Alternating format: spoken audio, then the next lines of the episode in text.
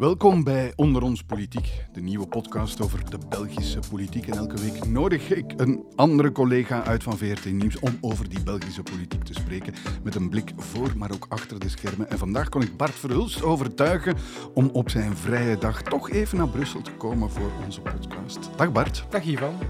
In elke aflevering behandelen wij twee thema's en op het einde van de podcast beantwoorden we trouwens ook een vraag van de luisteraar. En wie ons een vraag wil stellen, ik zeg het nog maar eens, die kan die stellen via het mailadres onderonspolitiek.vrt.be.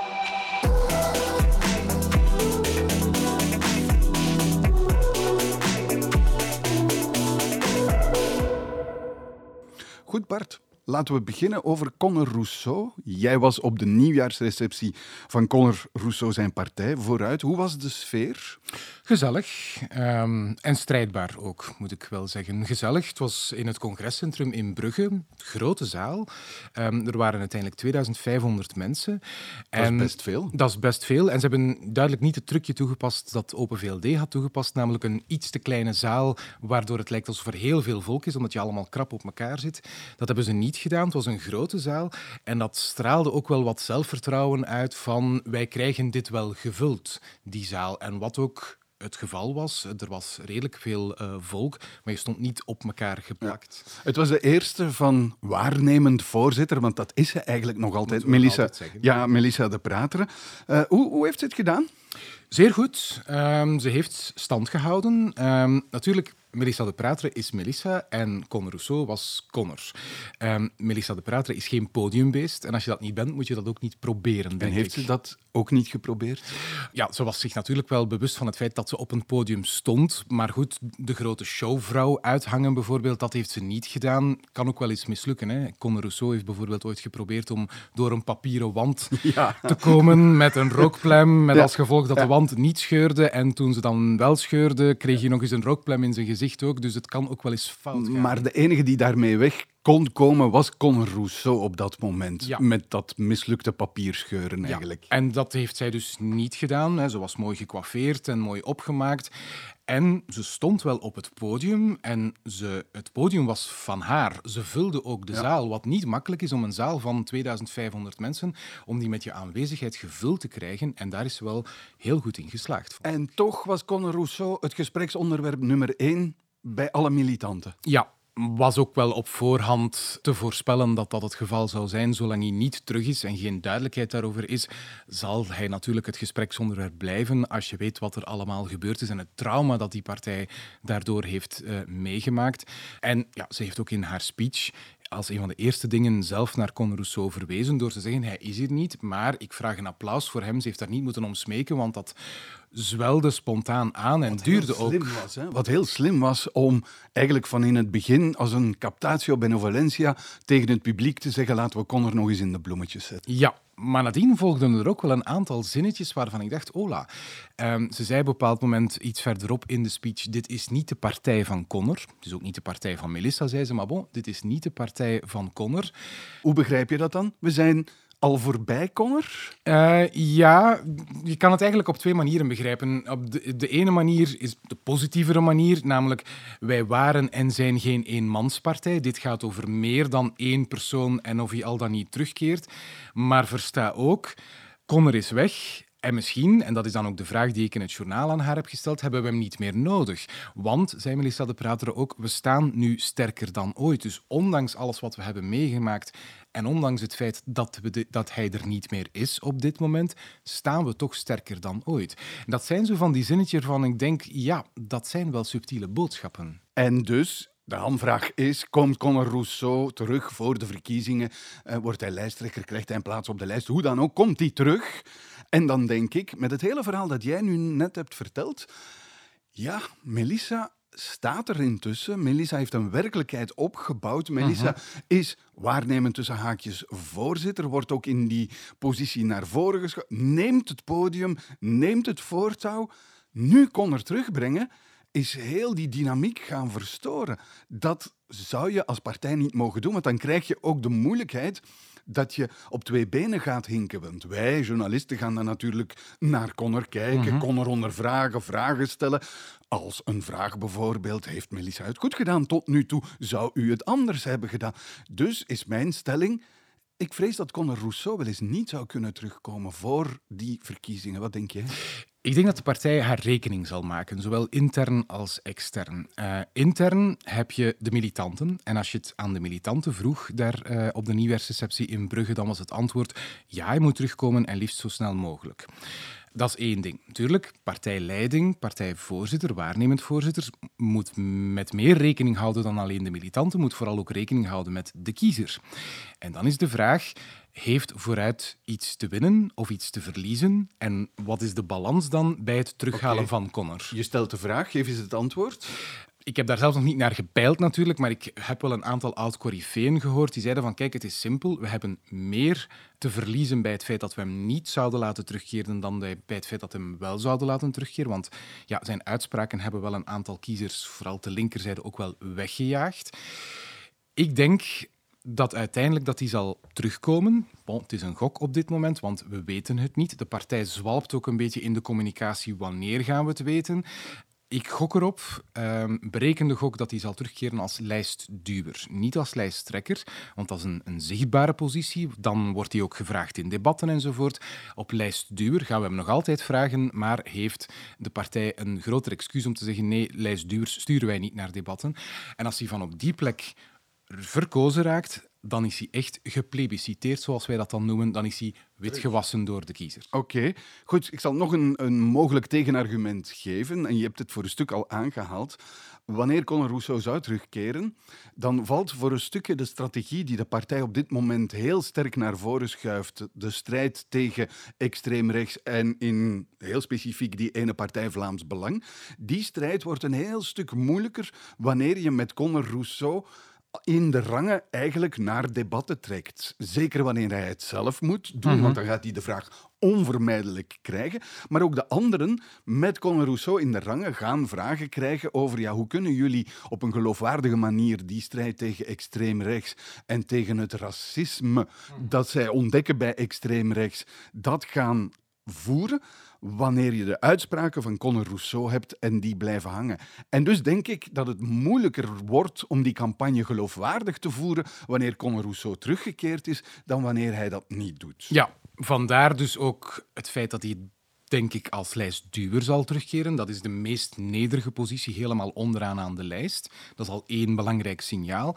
En ten tweede, ja, Melissa de Prater kreeg vooral net na het ontslag van Conor Rousseau en nu ook nog af en toe, krijgt die vraag ook nu al. En wat je dan vaak hoort is, ja, maar onze strijd is niet verloren op dat vlak omwille van domme uitspraken gedurende één zatte nacht. Dat bindt de partij voor de rest niet en dat bindt niet waar de partij voor staat. Dus men probeert dat nu al zoveel mogelijk te parkeren. Oké, okay, als hij terugkeert zal men dat moeten blijven parkeren. Maar goed, um, er is wel een antwoord op geformuleerd. Ja. Oké, nog een, een laatste uh, bedenking. Ja, lijstduur is een heel gevaarlijke plek. Ik bedoel daarmee binnen de partij. Want je hebt lijstduwers, en zo zijn er in het verleden wel wat geweest, Daniel Termont, uh, Matthias de Klerk, die als lijstduwer over andere mensen springen. Dat is mhm. heel vervelend voor diegene die op de tweede, derde, vierde plaats staat, want die ziet daar plotseling iemand boven zich verschijnen.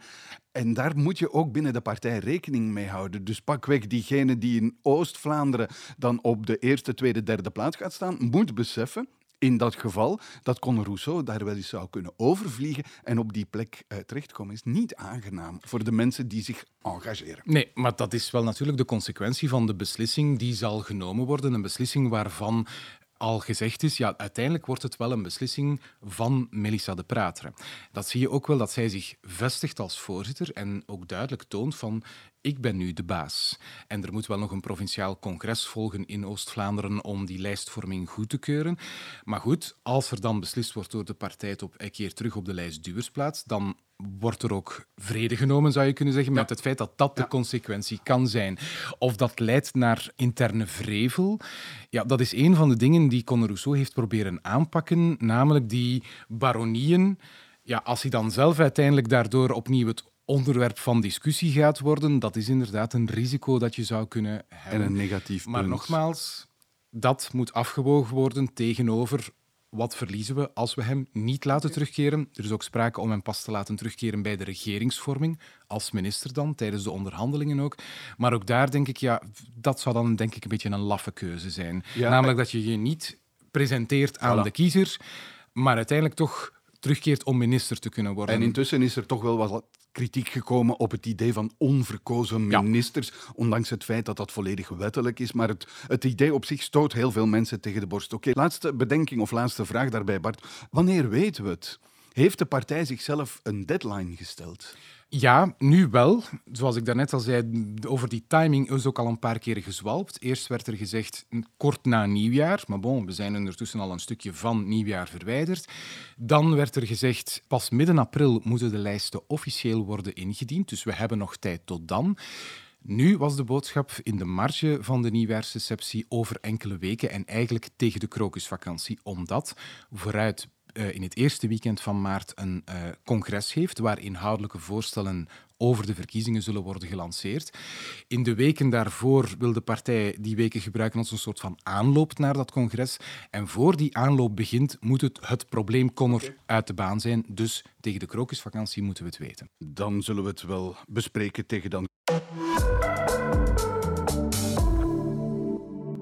Goed, campagne in alle hevigheid losgebarsten. En dat kunnen we toch concluderen intussen. Nieuwjaarsrecepties zitten daarvoor iets tussen. Maar ook het feit dat op één na, Groen, alle Vlaamse partijen een pre-campagne hebben gelanceerd met een eigen slogan. Zullen we die eens overlopen, die slogans? Vooruit, hebben we daarnet over de nieuwjaarsreceptie. Jij kiest vooruit of achteruit. Open VLD zegt tegen moeten voor mogen. PvdA zegt altijd aan jouw kant. De NVA heeft het voor de Vlaamse welvaart. De CDMV heeft het over respect werkt. En Vlaamse Belang tenslotte ander en beter. Welke slogan vind jij geslaagd? Ik mag daar natuurlijk geen keuze in maken. Nee, maar wat, wat spreekt jou aan? Wat, wat zeg je van, oké, dat vind ik wel werken? Iets wat werkt voor mij is iets wat in één korte zin, een paar woorden duidelijk maakt waar een partij voor staat en ook iets wat een oorworm is. Bijvoorbeeld voor Vlaamse welvaart, die, die alliteratie van de V bijvoorbeeld. Ander en beter, kort en krachtig, maakt meteen duidelijk waarover het gaat. Vooruit of achteruit vind ik ook slim, omdat een partijnaam erin zit. Ik ben alleen geen fan van, ik denk dat het officieel is, kies maar. Wat voor mij een beetje agressief overkomt. Van hier, doe er uw gedacht mee. Ben ik, ben ik niet zo'n fan van. Maar dan is eigenlijk de PvdA-slogan ook heel duidelijk. Namelijk altijd aan jouw kant. Dat zegt waar die partij voor staat. Wij beschermen de zwakkere, de kansarmere. We staan altijd aan jouw kant. Het slechte vel in mij denkt dan, maar niet altijd aan de kant van de feiten. Als we het hebben over het Colruyt-verhaal bijvoorbeeld. Dat vind ik heel mooi. Ik heb het wel voor, voor een duo, uh, zal ik maar zeggen. Ander en beter vind ik inderdaad ook een geslaagde slogan, omdat ze appelleert aan iets wat heel krachtig is, namelijk de kracht van verandering, om een variant te nemen in 2012. Kan je ook maar één keer doen. Hè? Klopt, klopt. Kan je. Maar Als je ga, aan de macht komt natuurlijk. Ik ga nog een, ja, een aantal decennia terug. 1979, Leo Tindemans, met deze man wordt het anders. En dat heeft, Hugo de Ridder heeft een fantastisch mooi boekje geschreven. En dat heet 50 jaar stemmenmakerij. En dat is eigenlijk een analyse van alle naoorlogse verkiezingscampagnes. En Hugo de Ridder komt tot de conclusie, er zijn maar twee oerslogans. De eerste is ik of de chaos, geen ommekeer, was ooit Wilfried Martens zijn mhm. slogan. En dat vind je bijvoorbeeld bij Vooruit terug. Hè, vooruit of achteruit, met ook wat eraan toegevoegd wordt tegen Vlaams Belang, tegen extreem rechts. Het is wij of de chaos, ik of de chaos. Mhm. Dat is een goede slogan, dat werkt, dat appelleert bij mensen. Maar iets wat veel krachtiger werkt, is de slogan de kracht van verandering, ander en beter. De hoop die eigenlijk uitgedrukt wordt van als je deze persoon, partij, volgt, dan gaat het veranderen. Dan gaat het eindelijk beter worden. En zoals je terecht zegt, je moet dan wel de juiste figuren hebben die die hoop kunnen uitstralen en uitdragen. En daar twijfel ik op dit moment een beetje. Voor mij is Vlaams Belang op dit moment nog heel erg een partij die verandering belooft. En niet zozeer één figuur daaruit. Ik vind dat de voorzitter Tom van Grieken dat nog niet helemaal belichaamt, zoals bijvoorbeeld Leo Tindemans dat ooit deed, of Bart de Wever mhm. dat ooit deed. Het is nog heel sterk gelieerd aan de protestpartij Vlaams Belang die de verbetering gaat mogelijk maken. Ander en beter. Tuurlijk, als je zegt van het, is eigenlijk, het gaat over de partij, niet zozeer van Grieken. Ja, omgekeerd zouden we dan zeggen, mocht het wel alleen van Grieken zijn, ja, dit is een eenmanspartij. Klopt. Ja, ja dat, dat verwijt is er ook geweest Wat bij, bij Bart de Wever bijvoorbeeld. bijvoorbeeld de kracht van verandering op dat moment heel sterk speelde dat het mhm. maar een, een een eenmanspartij Waarbij was. Bart de Wever bijvoorbeeld ook al overal in het Vlaamse landschap, ook op plaatsen die niet Antwerpen waren, zag op de affiche met die slogan, met de lokale kandidaat. Wat wel werkte natuurlijk, want hij zuigt stemmen aan in het hele Vlaamse landschap, wat men dan ten volle benutte. Ik denk inderdaad dat van, ik weet niet of van Grieken hetzelfde effect kan genereren in, in de rest van Vlaanderen, in plekken die niet Antwerpen zijn. Even over jouw alliteratie hè, voor Vlaamse welvaart. Bart Wever gebruikt daar heel vaak, en dat vind ik dan merkwaardig, het beeld van Singapore. De, de, stadstaat Singapore. Ik vind dat zeer merkwaardig. Ik ben daar deze vakantie langs geweest. Gewoon een paar dagen. En dan moet je toch vaststellen dat dat voorbeeld, ja, inderdaad, die economie werkt goed. Het is een heel merkwaardige economie. Het is een soort planeconomie op zijn communistisch, met mhm. soms vooruitblik 30 jaar lang vooruit geplanifieerd en tegelijkertijd heel zware voordelen voor bedrijven die daar gewenst zijn. Ongewenste bedrijven, namelijk die niet passen in de filosofie van de stadstaat, worden gewoon geweerd. Maar het is ook een zeer autoritaire staat, met bijvoorbeeld lijfstraffen nog altijd, zware lijfstraffen mhm. voor kleine vergrijpen. Vandalisme bijvoorbeeld wordt bestraft met vijf tot zes stokslagen. Dat zijn behoorlijk stevige.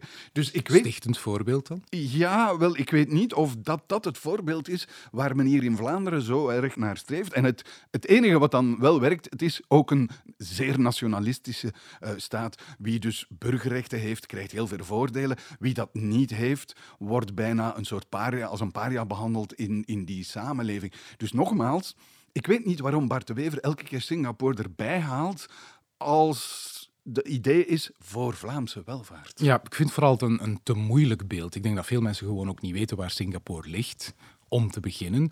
Laat staan dat ze weten wat de manier van samenleven daar is zowel de manier van samenleven die Bart de Wever bewondert dan blijkbaar en wat hij als voorbeeld wil naar voren schuiven, als de dingen die jij nu net zegt. Ik vind het als beeld om in een campagne te gebruiken veel te moeilijk. Veel te highbrow, laten we maar zeggen. Misschien ook highbrow tegen moeten voor mogen.